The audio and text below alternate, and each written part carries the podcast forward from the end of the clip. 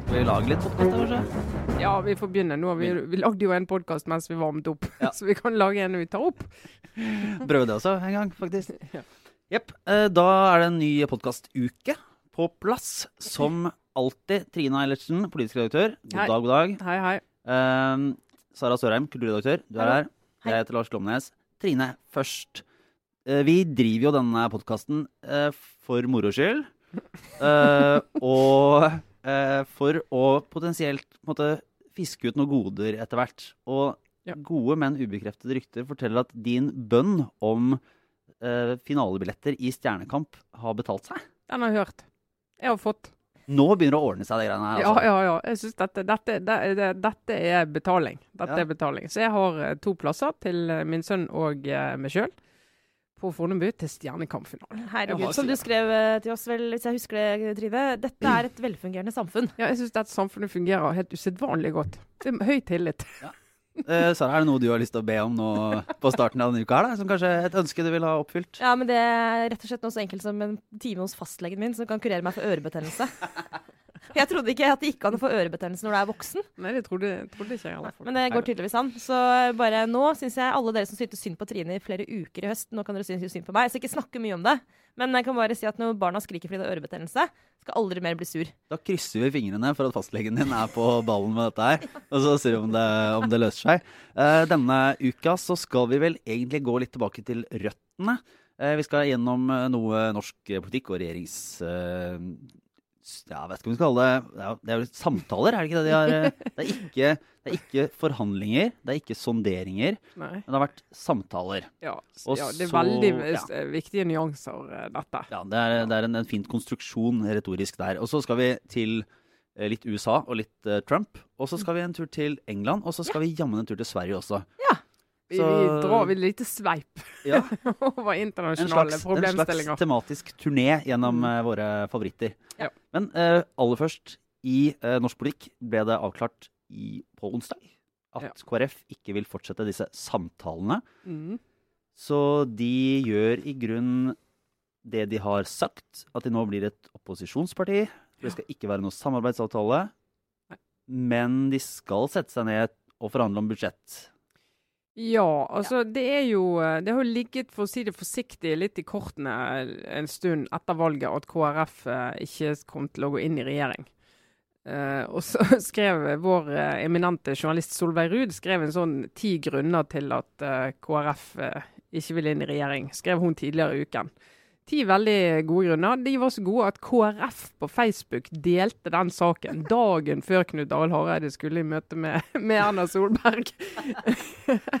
om å, å snakke om, om fremtiden. Så det var jo en ganske sånn Det var et ganske sterkt signal. Ja, det har på en måte tatt Vanskelig å si da at det var en overraskelse at ikke det ble noe ja, regjeringssamarbeid. det var vanskelig å si. Så det var ikke en overraskelse. Det var heller ikke en overraskelse at Venstre har, velger å fortsatt sitte, eh, sitte rundt bordet, om du kan kalle det det.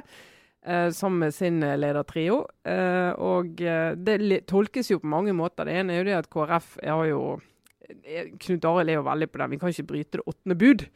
Og altså lyge. Mhm. eh, og gjøre noe vi sa i valgkampen at vi ikke skulle gjøre. Så det er helt utenkelig for oss å regjere sammen med Frp. Eh, og vi går til det bordet i håp om å få etablert en blå-grønn regjering. Ja, som jo aldri noensinne egentlig var et uh, ingen, alternativ. ingen som har trodd på. Eneste er at i Venstre er det en del som har håpet da, at de skulle komme så langt i, i samtalen, de fire sammen. Og en del i Venstre syns jo KrF hopper av lovlig tidlig. Hvor de blir sagt ja, si da at vi tenker fire i regjering. Da må vi ha noen spilleregler. Da må vi ha spilleregler om at du kan ikke fronte politikk som det ikke er flertall for i regjeringen, f.eks. Og en par sånne ting som kanskje hadde gjort at Frp fant ut at nei, vi kan ikke sitte i en sånn regjering. Men det høres Men litt så langt som- kom de aldri. Men det er litt den taktikken hvis du er i et dårlig forhold og tenker sånn Jeg orker ikke å slå opp, men hvis jeg bare oppfører meg litt dårlig ganske lenge, så kanskje, kanskje partneren min bare velger å gå isteden.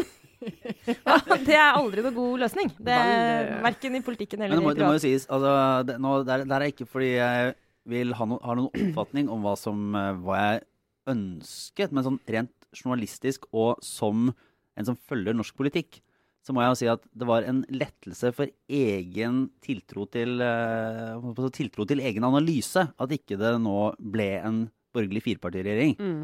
Eh, for det er noe som både jeg og du, Trine, og flere altså Vi har snakket om dette at det kommer ikke til å gå. Nei. Så hvis det hadde skjedd, så lurer jeg på om jeg måtte funnet meg noe annet å gjøre. Ja, men det ville vært hadde- hadde tillits- ikke- det ville vært en sånn Nå Ja. har jeg ikke forståelse i det hele tatt av hva som, hva som Ja, skjer. men du har hatt sabbats, en syv-åtte sabbatsår. Ja, bare sånn Nei, men det, men ikke sant, Du ville satt hele valgkampen også i et uh, utrolig dårlig lys, uh, tillitsmessig. Altså, da betyr det bare at du bare sier en ting helt til du får muligheten til, å, til makt, og da sier du noe annet. Og det går ikke. Altså, der går på en måte grensen for Nei, og nå skjer jo det stadig vekk, uh, for så vidt. Men, men, men OK, KrF de, de havnet der, og nå er det jo en diskusjon om, om KrF og hvem som er premissleverandører i KrF.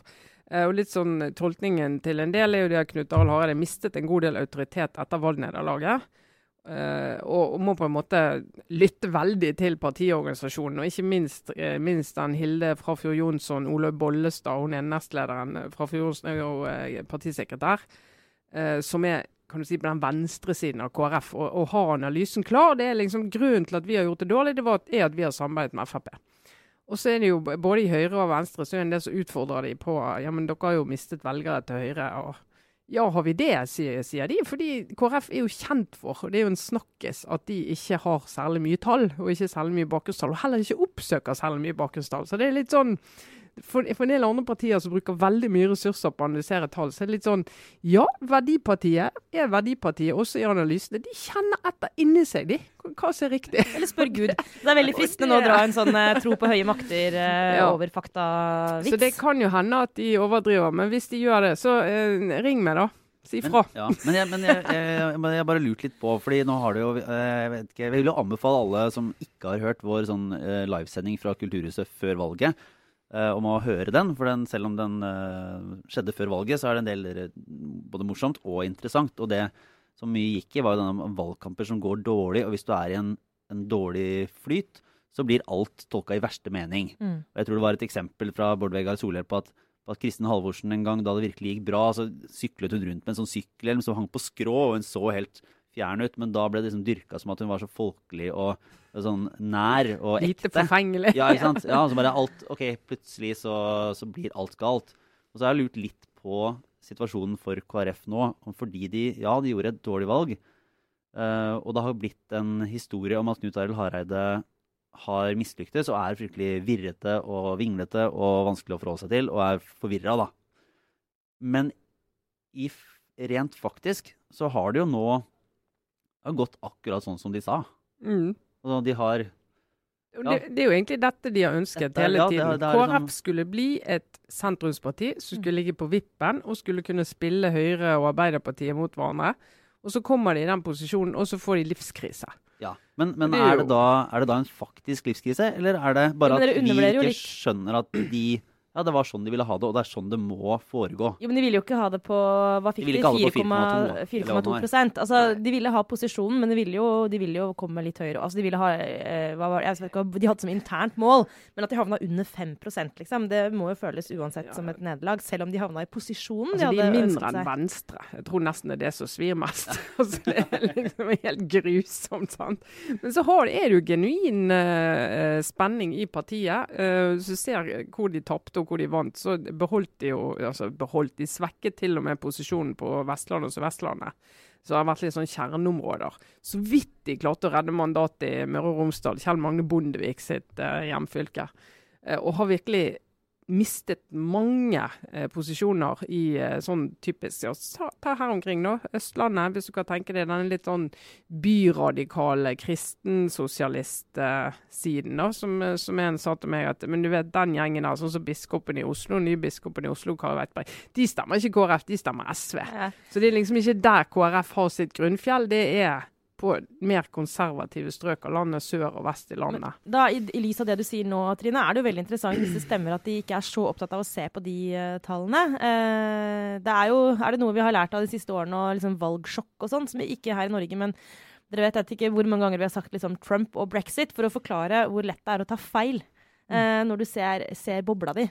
Så jeg tenker sånn, det er Vårt Land KrF, da, Oslo KrF, eller hva jeg skal kalle det for noe. Sånn, jeg skjønner at for dem oppleves som helt åpenbart at uh, vi må være et sentrumsparti, og at uh, selvfølgelig i deres krets har vært et problem å samarbeide med Frp med Listhaug. Det forstår jeg, men liksom, de, bare, de bør kanskje sjekke om det om det gjelder Ja, eh, jeg flertallet av deres velgere. det- BT hadde jo den veldig gode saken om KrF som takket nei da Høyre tilbød sine bakgrunnstall. Venstre de tar imot alt, for de har jo ikke råd til å gjøre egne målinger. og Det har jo ikke KrF heller, i den grad som Høyre og Arbeiderpartiet har. Og Hvis du da takker nei til tall, for du tror at hvis de kommer fra Høyre, så må de være manipulert, så, så har du jo Vi Ja, har ja. godt tillitsforhold Kan- mellom eh, de borgerlige samarbeidspartiene. Ja. ja. Men hva tror dere nå altså Nå kan jeg jo innrømme det, da. For sending så måtte jeg spørre dere sånn uh, Hvordan er det nå igjen? Så nå kan, kan, kanskje flere av våre lyttere også lurer på det som jeg plutselig satt og lurte på. Blir det helt sikkert liksom en sånn ny Altså, trenger det å skje noe som helst? Kan ikke dere bare forklare sånn en gang til for oss litt treige? Uh, denne regjeringen som sitter nå, kan fint bare sitte. Trenger ikke å bli noen sånn eh, greie på Slottsplassen hvor eh, Erna Solberg kommer ut med sin nye regjering. Nei, det trenger det ikke å bli. Eh, Hvis han utvides, så hvis Venstre går inn i regjering, så vil jeg jo tro at hun har Da vil det være såpass mange ommøbleringer i regjering at det er faktisk naturlig å komme med hele, hele bøtteballetten. da. Det kan vel være noe Det kan jo være et ønske om å markere den nye perioden ved å, å stille opp, enten det skjer noen, noen bytter eller ikke, at, eh, at det er en eller annen formell anledning. Men i utgangspunktet så sitter jo regjeringen eh, til den felles. Eh, og det betyr at eh, det, nå går det livet sin vante gang til eh, det eventuelt oppstår problemer som ikke er, er løselige. Ja. Og budsjettet kommer, og man skal forhandle om det. Og der har jo KrF sagt at de skal være en konstruktiv, eh, et konstruktivt opposisjonsparti. Og det ser vel egentlig ut til at, at modellen vil være ganske lik som den har vært de siste fire årene. Ja, og det er jo ikke alt rett etter budsjettet har blitt lagt frem de siste fire årene som har tydet på at det har vært veldig tett bånd mellom eh, Venstre og KrF og, og Jeg, vil- jeg, regjeringen. vil jo, tro- jeg vil jo tro at, eh, vil jo tro at, eh, at regjeringen denne runden, kanskje vel så mye som noen annen runde, ønsker en, eh, en sånn smertefri høst, og mer smertefri høst enn tidligere. Ja, lykke til med det. Ja, Men det høres iallfall veldig dyrt ut. For Det er jo klart, altså de har jo, det har de jo gjort i andre budsjettene òg. Så har de jo laget budsjetter med tanke på KrF og Venstre, og lagt inn masse godbiter for de der. Og så har de lagt inn litt sånn forhandlingsrom i det. Og så har det jo blitt dyrt til slutt. Det har det jo blitt. Eh, og det har de jo sikkert gjort nå òg. Og hvis de enda løsere i forhold til de i Stortinget og skal lande dette budsjettet, så for oss som er bekymret for de store tallene, da, Ja. så ja, det blir spennende å se. Men eh, tung høst for deg, Eilertsen. Ja, det er jeg helt innstilt på. Kontinuerlig innstilt på en tung høst. Uh... Ja, Budsjettet kommer forresten 12. oktober. Det er podkastdag. Det kan vi jo reklamere med. Da, men uh, i den store verden, det er jo eh, en evig strøm av ting fra Trumps USA. Og vi har jo stort sett holdt oss unna, egentlig. Eh, har la- overlatt det til, eh, til andre potensielt mer kompetente eh, kilder. enn- Potensielt mer kompetente. Ja, altså Jeg skal ikke slå noe fast, men det fins jo noen som driver med dette absolutt hele tida. Og så fins det oss som følger eh, ivrig med. Og, eh, men Ja, det er jo, det er jo nå- ting som engasjerer. Og drit i Nord-Korea og alt mulig annet. Det som er sånn mest fascinerende, er eh, som litt sånn sportsidioter, i hvert fall eh, et par eh, tredjedeler av dette lille studio, er jo denne beefen eh, presidenten nå har starta med NFL, amerikansk fotball, som bare koker. Og Jeg tror, altså, NFL er jo Jeg vet ikke hva jeg skal sammenligne det med Norge. Det er kanskje eh, altså, langrennslandslaget. Er det det som er liksom nasjonalidretten vår? Det er, det er liksom den store Det er det jeg tror flest folk i USA er opptatt av. Hvis du tar sånn én type ting som skjer i det samfunnet, som flest mulig folk er opptatt av, og som de tar på det dypeste alvor, så er det jo eh, fotballigaen. ekte, ekte, ekte amerikansk, vil, Ja, jeg- jeg- jeg- vil mange da si. Jeg våger meg inn på den samfunnsanalysen. Med min sviktende kunnskap om USA, så tror jeg det kan vi slå fast. Liksom. NFL er stort. Kan du dra et, sånn, et kjapt riss uh, over dette her? I, uh, det var jo da i fjor, egentlig, så var det en, uh, en amerikansk fotballspiller, en Colin Kaepernick,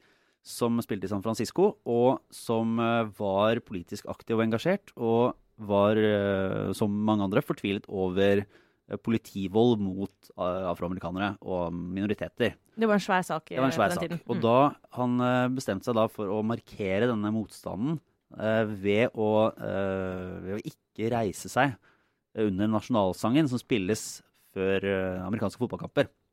Satte seg på kne som en slags Jeg vet ikke om vi skal kalle det en sivil ulydighet, men i hvert fall et, et tydelig En markering. Så det samme markering. bilde som um, Martin Luther King sin posisjon, veldig kjent fra 60-tallet, når han demonstrerte, ja. også på den måten. da. Og det ble jo en, eh, det ble jo en kontrovers. Og mange som på en måte var eh, sympatiserte med, med målet hans, og, og ikke, uh, har diskutert om det var konstruktivt eller ikke. Uh, og det er nå én ting. Og det har ikke vært noe utbredt fenomen, eller markering, så å si, eh, på en stund egentlig, og gjennom den sesongen som har vært. Men så var da Donald Trump i Alabama og holdt en tale for, eh, til støtte for en kandidat eh, der. der han da tok et oppgjør med dette, og sa det om at det ville ikke vært deilig hvis noen av disse eierne av fotballagene tok noen av disse Sons of Bitches og bare kasta dem ut av laget når de ikke ville respektere flagget og nasjonalsangen. Ja, han bare den. sa 'you're fired'. Ja. Det, det var jo Ja, helt Kan, kan ikke bare tuppe de, eh, de folka ut? Uh, og med det så gjorde han det jo til en enormt mye større sak, og det fortsatte gjennom det neste døgnet med en sånn fem, seks, syv eh, Twitter-meldinger der han fortsatte å fyre opp dette her, da. Og han har jo da effektivt gjort dette til en sånn kulturkamp. Mm. Og i etterdønningene så har jo da plutselig bokstavelig talt hundrevis av spillere uh, samla over flere lag da satt seg på kne under avspillingen av nasjonalsangen. Eh, noen lag holdt seg til og med inne i garderoben under avspillingen av nasjonalsangen. Og det har jo da blitt en enorm Og det har eh, smittet til basket Ja. i tillegg. Og det er ikke bare spillere, det er coacher, og det er også eiere har jo gått ut og, og markert. Men hva betyr dette? Altså, for, det, det er jo, for det første, hva i all verden skulle Trump oppnå med å ta akkurat den fighten? Eh, og angripe nasjonalidretten? Eh, og hva kan han tjene på det? Han kan sikkert tjene noe på det, altså, men det er litt vanskelig å se sånn logikken bak og, og gå inn og, og åpne opp hele den svære gryta med dritt. Og så noe annet er jo Hva betyr det? Altså, er, betyr det noe utover ren sånn, en ren sånn symbolkrig? Uh, forandrer det noe i liksom, Altså, amerikansk politikk? Det blir jo altså, det, analyser i, i USA om det. Det ene er jo grunnen til at det blir, blir så enormt uh, tenst. Det er jo det at veldig mange av de store stjernene i både fotball og basket de er jo svarte. Sånn at det blir lest som en sånn angrep på eh, svarte. Mm. Ikke bare på liksom fotball. Og det blir litt sånn eh, Disse her rike fotballspillerne de klarer ikke å reise seg når eh, nasjonalsangen blir avsunget. Men veteranene våre som sitter i rullestol, de hadde jo drømt om å få lov å reise seg, og Trump sin. Så det blir en voldsom sånn motpol mellom disse her bortskjemte svarte mennene eh, og de eh, stakkars eh, veteranene, da, som mange reagerer utrolig sterkt på. Og så er jo det helt sånn grunnleggende i det at altså hvis hvem som helst i USA hadde ment om dette og sagt om dette, det er jo en sånn vanlig offentlig debatt. Det må du kunne ha et ordskifte om. Men det her syns jeg var en dårlig måte å markere på. Jeg er enig i sak, men du bør ikke gjøre det sånn. Eller jeg er uenig i sak og jeg er uenig i måten. Og du kan ha den debatten, men når presidenten gjør det, Mm. som skal liksom samle hele nasjonen, og ikke være liksom sjefspolarisør, om du vil, er den som løfter det opp. Det er nesten ikke til å tro. Det er nesten ikke til å tro. Så er det fascinerende å se om Altså valget, om det er en sånn eh, Det sies jo fra noen altså, kilder sånn rundt Trump at han, han driver og dyrker en slags kulturkamp da, mellom, eh, mellom de, de ekte amerikanerne, altså hans Mm. støttespillere i, eh, på, måte, på midten av landet, og disse elitene på, på kysten, da, for å si det enkelt. Um, der han snakker for den vanlige mann og um, er liksom for patriotene. Og at det er en slags et spill der han, mener at, det, som at han tjener på den konflikten på et eller annet vis. Uh, det som uh, det jeg tenker er interessant litt politisk her, er jo om Det virker, så, det virker som det er et kjempehøyt spill. Mm. Uh, fordi han går jo også ut nå mot hele NFL, da, hele amerikansk fotball, og starter en konflikt med noe som hans uh, støttespillere egentlig elsker. Altså, Mhm. den, uh, han, uh, de, amerikanske fotballspillerne er jo ja, de er kanskje da utskjelte, sånn han ser det, for å være bortskjemte og tjene masse penger. Men de er jo også, altså det er ingenting som henger så høyt som idrettshelter. Og det kan man jo se også i, Og i Norge.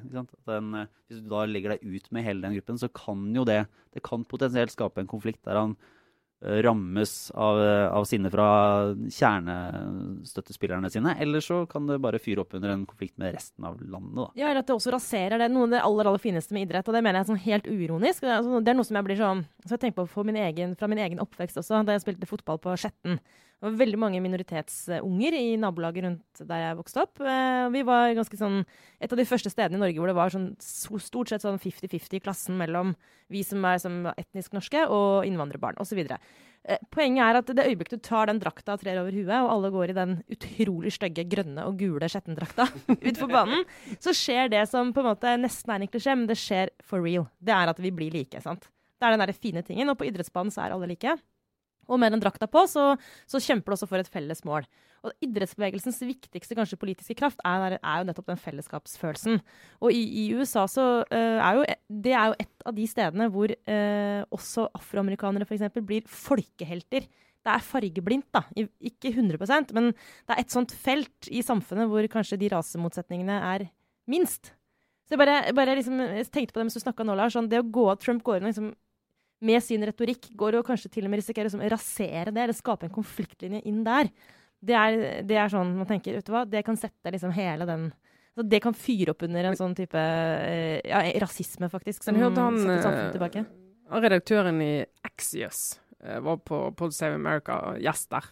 Axios er for øvrig veldig interessant nettsted, nyhetsnettsted med helt vanvittig gode kilder. Ja, de hadde noen saker i valgkampen som var helt, helt ville. Helt spesielt. Man anbefaler det. Axios.com. Eh, og han, eh, han, sa det at eh, For de også er litt opptatt av er dette her virkelig liksom spikeren i kisten for Altså ødelegger han for grunn, his base, grunnfjellet sitt. sant? Og deres analyse er jo at Nei, altså Han går aldri lavere enn 35% Det kommer aldri høyere enn 45% i på en måte oppslutning og approval blant sine. da. Uh, og for å si, Han har forandret, han har fornærmet hver eneste gruppe i landet vårt, unntatt hvite middelaldrende menn. Ja. Det er den eneste han ikke har fornærmet. Men alle andre har han fornærmet. Så det er litt sånn Ja, nå var det deres tur. Det er kvinner, det er afroamerikanere, det er meksikanere. Det er liksom Hva å si unge, gamle, muslimer, hva det måtte være. Mm. Alle får sitt, unntatt den uh, absolutte kjernegruppen. Og, og, og de har aksept for det. For de er på en måte vant til at det er sånn han er. Så han mente at det ikke var en så veldig så stor problem for han som mange håper at det skal være, da. Nei, utrolig interessant. Jeg bare merker sjøl på den um, Vi abonnerer vel alle på Altså vi får sånn varsel på telefonen når han tvitrer, sant? Sjefen. og bare, jeg merker nå bare helt sånn Jeg bare fjerner de der Trump, uh, real Donald Trump uh, Jeg gidder ikke å lese dem lenger, sant? Bare fått sånn helt sånn her trøtthet i meg. Ja. Uh, og så minner jeg meg selv på sånn Dette er presidenten i USA som skriver sinnssyke ting. Du burde kanskje mm. ta deg ti sekunder på å lese ja. det, liksom. Han sitter akkurat nå og skriver de tingene her. Ja. Men det, bare en siste greie på akkurat der. Er, det er litt fascinerende, fordi i kjølvannet av disse sakene så har det vært en del en del stoff i amerikanske medier om hvordan den type protester blir oppfatta. Eh, altså sånn type sett, ikke reise seg for ja, nasjonalsangen? Ja, altså det, som er, det som kan ses på som en sånn en, en frekkhet eller noe som er, bryter med sosiale normer. da. Og det har sett tilbake på, på meningsmålinger fra, fra borgerrettskampen. Og hvordan eh, også liberale syns at den der, de marsjerer og Martin Luther King og sånn var sånn Nei, men altså, kan du ikke, ikke ikke vær så Ikke lag så mye bråk. Ikke lag så mye bråk. ikke sant? Dette, jeg trodde at dette det lønner seg ikke, de greiene her.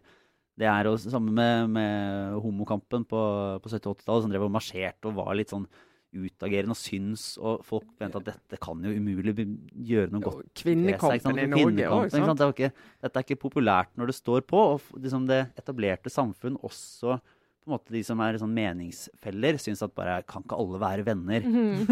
så jeg vet ikke helt om vi har noen sånn, den type demonstrasjoner. Vi har veldig lite av det i Norge, har ikke det? Altså Som bryter med den, de normene og bare melder noe på tvers av alt. Fordi det, etter noen tiår så er det jo plutselig helt sånn ja, så er det helter, og det ses på som helt åpenbart ja. at det måtte gå den veien utviklingen altså, Vi har jo eh, Det hører med liksom, til ungdomstiden å, å, gjøre opprør mot alt, altså bryte sosiale normer. Men etter det så er jo de fleste av oss liksom, innafor. Men Nei, vi har ikke det. Altså, da jeg tenker på sånn der, herregud, Nærmest vi kommer, er sånn Petter Northug som sier et eller annet drøyt etter uh, at han har gått i mål. Altså sånn, Noen sånn rebeller, sier jeg det med sånn hermetegn. Fordi det er bare... Han har jo skikkelig politisk program.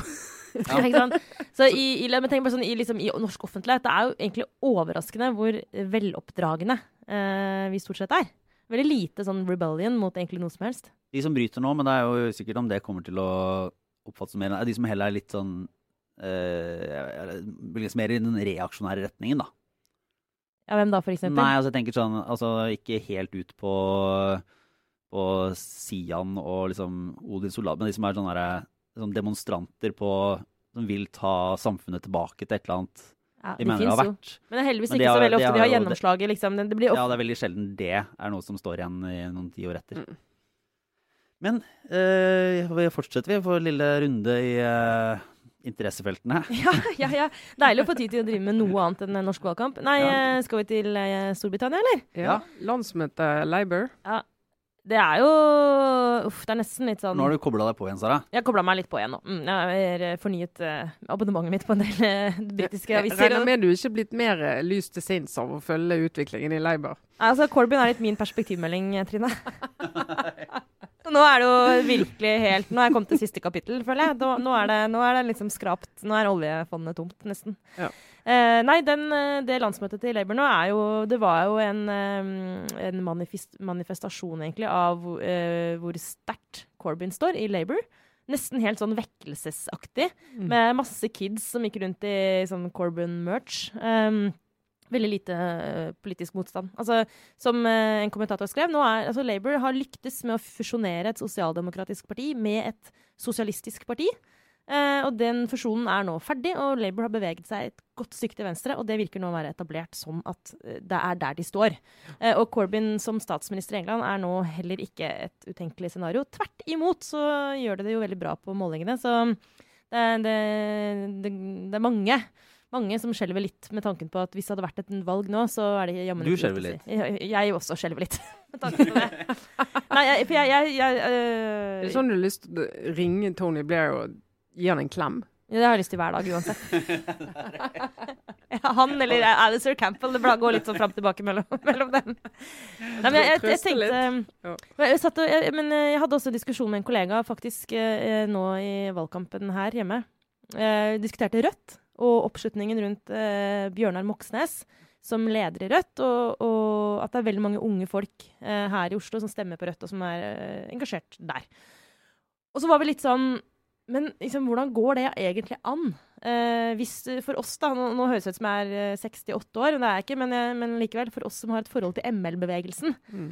eh, De som levde da, åpenbart, det gjorde ikke jeg, men også vi som er barn av ikke nødvendigvis direkte barn av ML-ere, men barn av foreldre som var aktive politisk eh, på 70-tallet. For oss så står liksom den derre veldig Altså den eh, ytre venstre Ja, revolusjonen er det jo, sant? Altså folk som var opptatt av Folk som trodde på en væpna revolusjon. Det er liksom, Sånne folk har jeg liksom bare i ryggmargen. At man må bare holde seg langt, langt, langt unna. Og det er kanskje det verste jeg veit politisk. Det er den formen for retorikk. sant? Jeg har, jeg har bare vaksinert mot det. Men Så for har, meg er det altså, Rødt har beveget seg ganske langt fra væpna revolusjon, da. Ja, veldig langt fra det. Men så, men så er det jo det er jo ikke mange år siden de som da var potensielle velgere for Rødt, hadde den uh, historikken med seg. Og, og Rødt som et uh, i utgangspunktet revolusjonært parti, hva nå det måtte bety i 2017, uh, kan nå si og bli trodd på en helt annen måte. Og selvfølgelig, de kommer jo aldri til å gå inn for væpnet revolusjon. Eh, norske Rødt. Men før var denne historiske bagasjen så tung at det preget også folk som eh, stemte for første gang på 90-tallet eller Ja, ja. begynnelsen av 2000-tallet. Men hvis Ja, vi bare- bare- hvis vi, skal se, ikke nødvendigvis Norge sånn, men, men jeg bare, det var eh, sikkert Mimi Kristiansson eller noen som, som snakket om dette med at, at den der vridningen eh, i Labour og Corbyn, sett eh, bakgrunn av også resultatet, valgresultatet i Tyskland, der, der ytre høyre vokser fram, Mm. så ble det sett at ja, men dette er, det viser bare at, at eh, Blairs tredje vei har spilt fallitt. Altså det, det er Ja. det er en nødvendighet at venstresiden leverer en, eh, en visjon om et faktisk annerledes samfunn enn det liksom den brede, litt sånn eh, miksen mellom, eh, mellom Arbeiderpartiet og Høyre Mm. eh, sånn, Ja, har kommet med. At, det, at det- ok, det er, dette er faktisk det er et folkelig opprør av et slag, da, og noe som, som vokser fram fordi folk har en eh, legitim bekymring av hvordan samfunnet drives. Jo, men dette er jo helt, det tror jeg det høres logisk ut. Men det er jo den der, det der med hvordan pendelen svinger, ikke sant.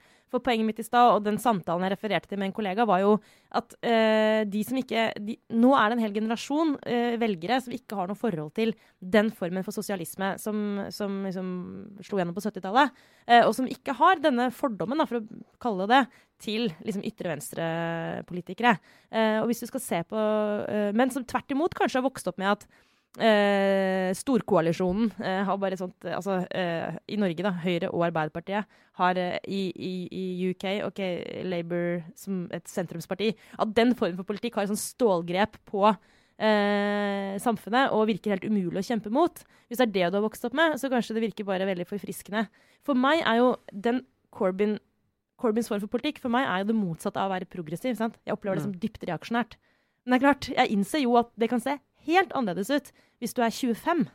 Så jeg bare, det synes jeg er utrolig sånn interessant sånn eh, generasjonsendring. Jeg tror det er tror Akkurat her tror jeg det går et veldig eh, skarpt skille. Ja, men det gjør det helt sikkert. Det er en sånn godt voksne folk, holdt på å si, som, som eh, på min alder og oppover, sikkert litt yngre òg, som regner sånn altså sosialismen i vestlige demokratier eh, funket ikke.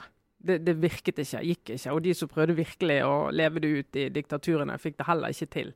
Så det er litt sånn, og derfor så eh, både Arbeiderpartiene eller sosialdemokratiske partiene har liksom fjernet seg litt fra De kaller seg jo ikke sosialistiske på den måten, men de er sosialdemokratiske. altså liksom har hatt veldig behov for å ta den avstanden.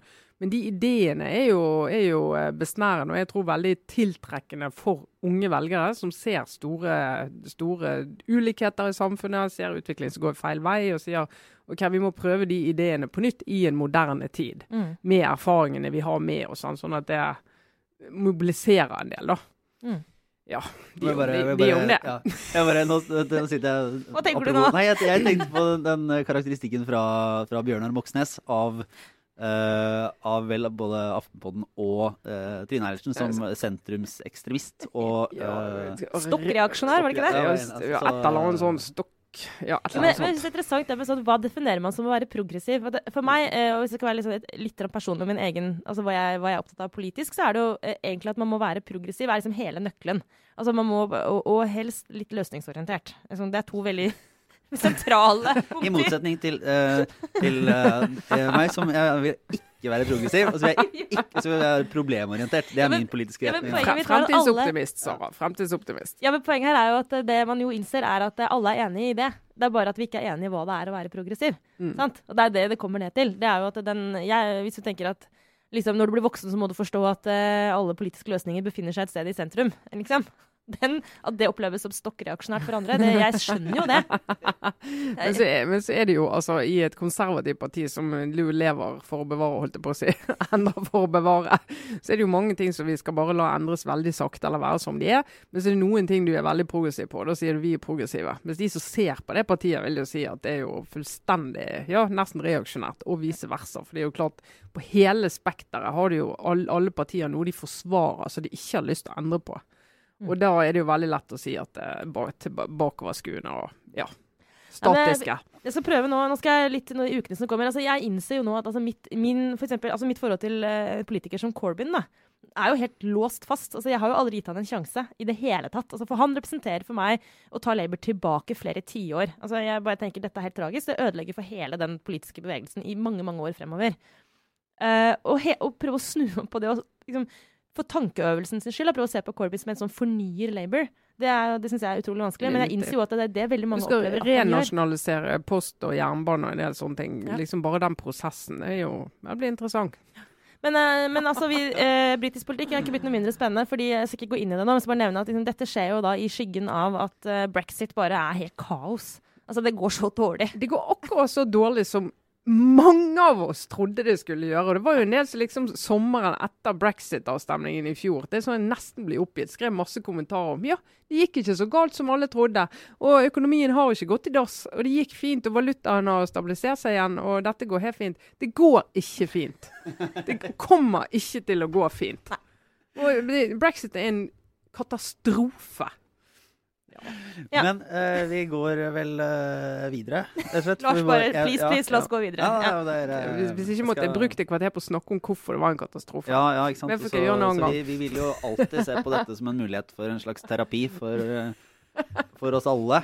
Men, eh, men, du kan jo levere et, eh, et godt, men ubekreftet rykte. Ja, jeg kan le levere, siden vi er i, har snakket om regjeringspartiene, så kan jeg levere et, eh, et godt, men ubekreftet rykte om at Om samarbeid, borgerlig samarbeid borgerlig i praksis? samarbeid i praksis, ja. Partileder i Venstre, Trine Skei Grande, hadde en i sin gamle bygårdsleilighet i Gamle Oslo.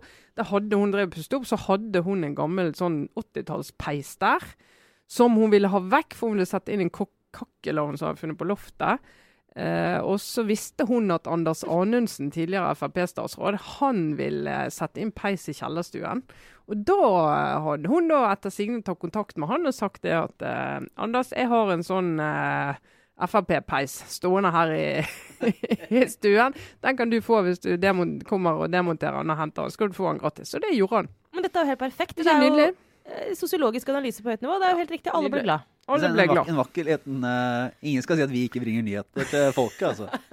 Vi gjør det best som sånn, Du er blodharry. Jeg eh, bor uh, i, I sånn, i gamlebyen i Oslo og Skal tilhører kakkelovn, ja. ja. jeg skal ha kakkelovn. Du skal ha en varm 80-tallspeis. La, Perfekt. la oss bytte eiendeler. Ja, men det er jo nydelig. Dette kaller jeg sirkulær økonomi. Ja, det ja, hører også med til historien at Jeg tipper jo at den peisen hun ga bort, fungerer utrolig mye bedre enn den der kakkelovnen, som jo visuelt er utrolig vakker, men sikkert ikke noe sånn bra peis. Nå gjetter jeg bare, men Helt sikkert. Helt sikkert. Men uh, har vel også en liten obligatorisk eh, Liten refleksjon? Hvis vi obligatorisk skal runde av eh, Ja.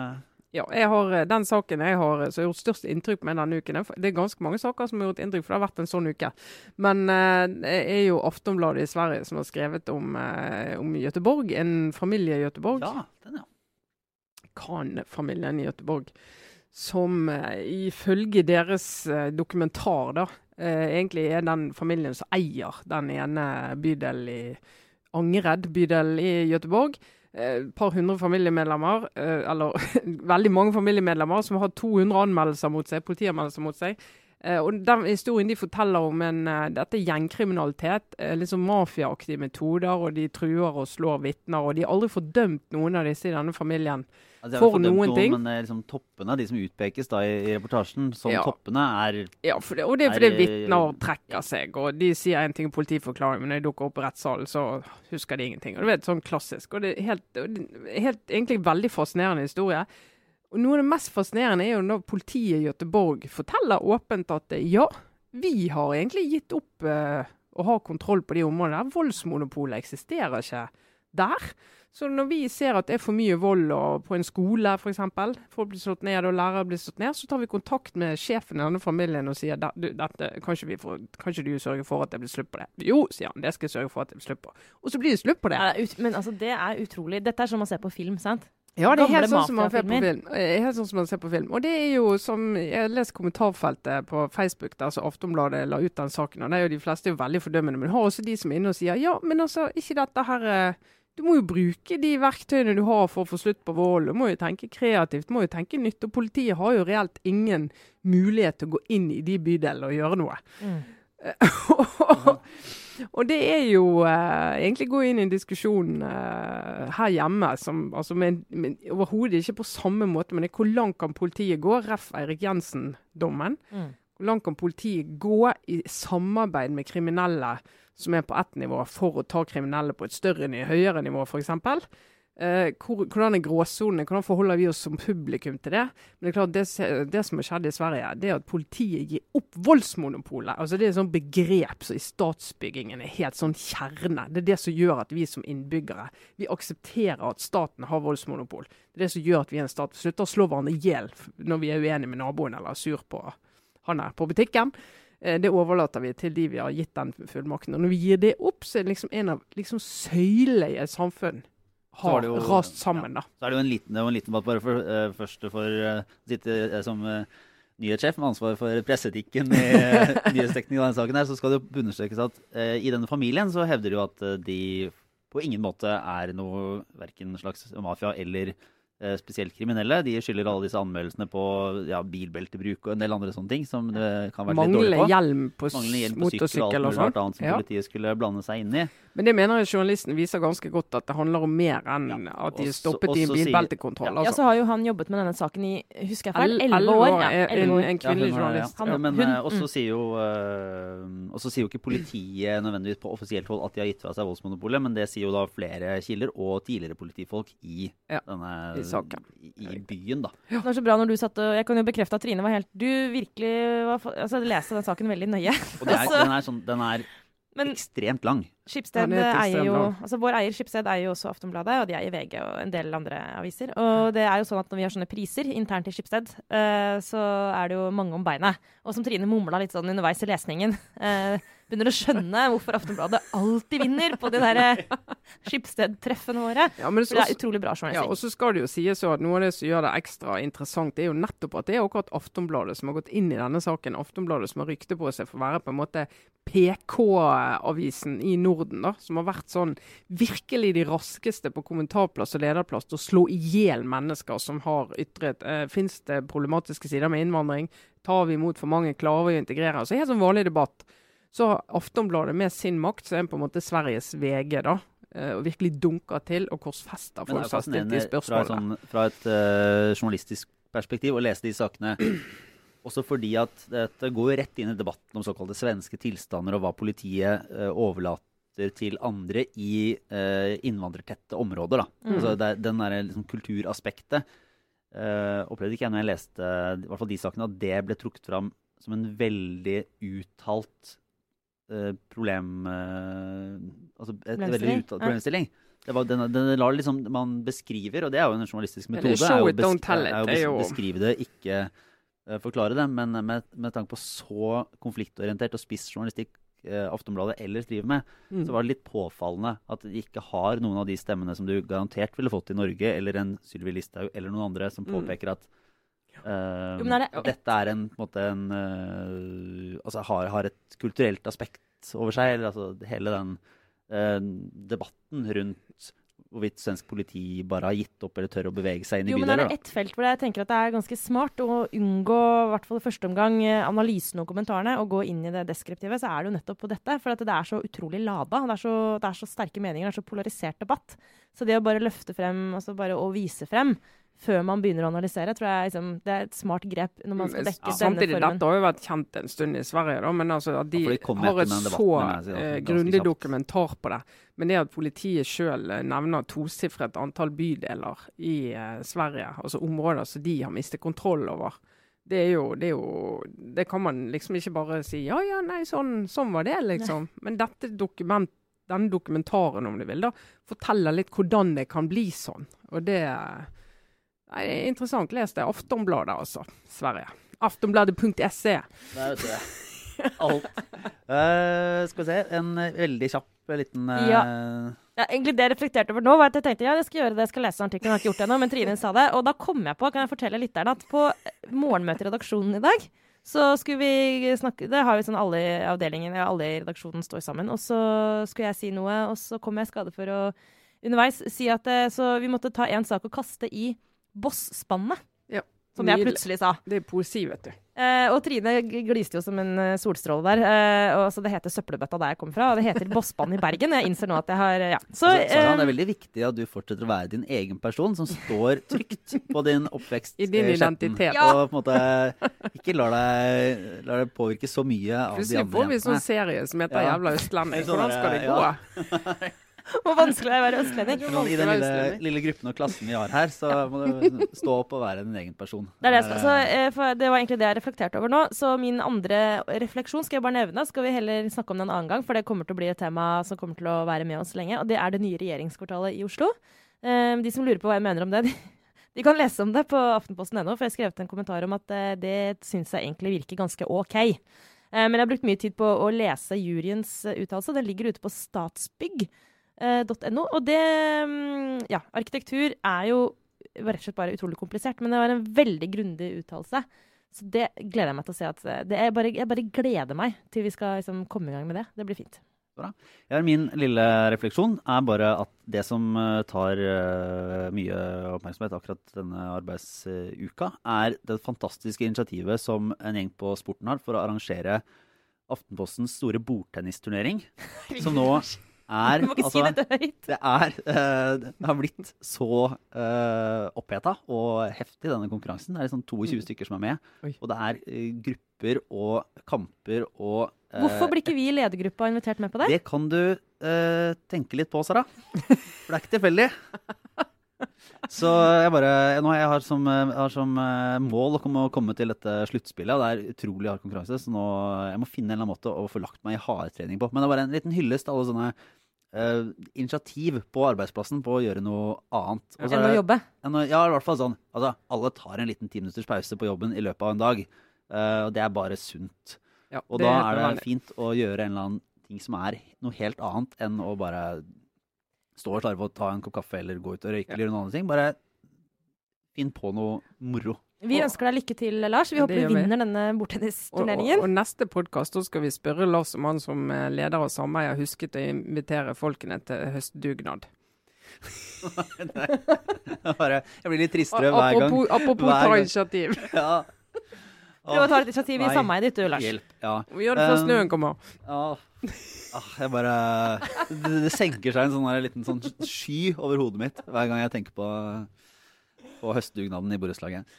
Men eh, vi avslutter for denne runden. Og så anbefaler vi å følge oss på Facebook. Og så har vi havnet på Spotify. Mm. eh, for de som måtte foretrekke det som avspillingsmetode. Og så må vi hilse til alle, hvis dere fortsatt henger med, eh, nye lyttere som har kommet til etter at eh, Guri Solberg, som lager podkasten Bra damer, anbefalte oss på TV 2 her om dagen. Der har jeg vært gjest, faktisk. Veldig bra podkast. Ja, vi kan bare- anbefale den episoden og alle andre. Vi, kan, vi anbefaler Bra damer tilbake. Bare si tusen takk. Vet du hva som er så hyggelig? Det er å få sånn framsnakking av noen uten at man forventer det. Så hvis noen av dere som lasta oss ned etter det, faktisk hører på fortsatt, det tviler jeg kanskje på, men uh, velkommen skal dere være. Takk for oss. Det var Trine Eilertsen, Sara Sørheim, Lars Lomnes. Ha det bra.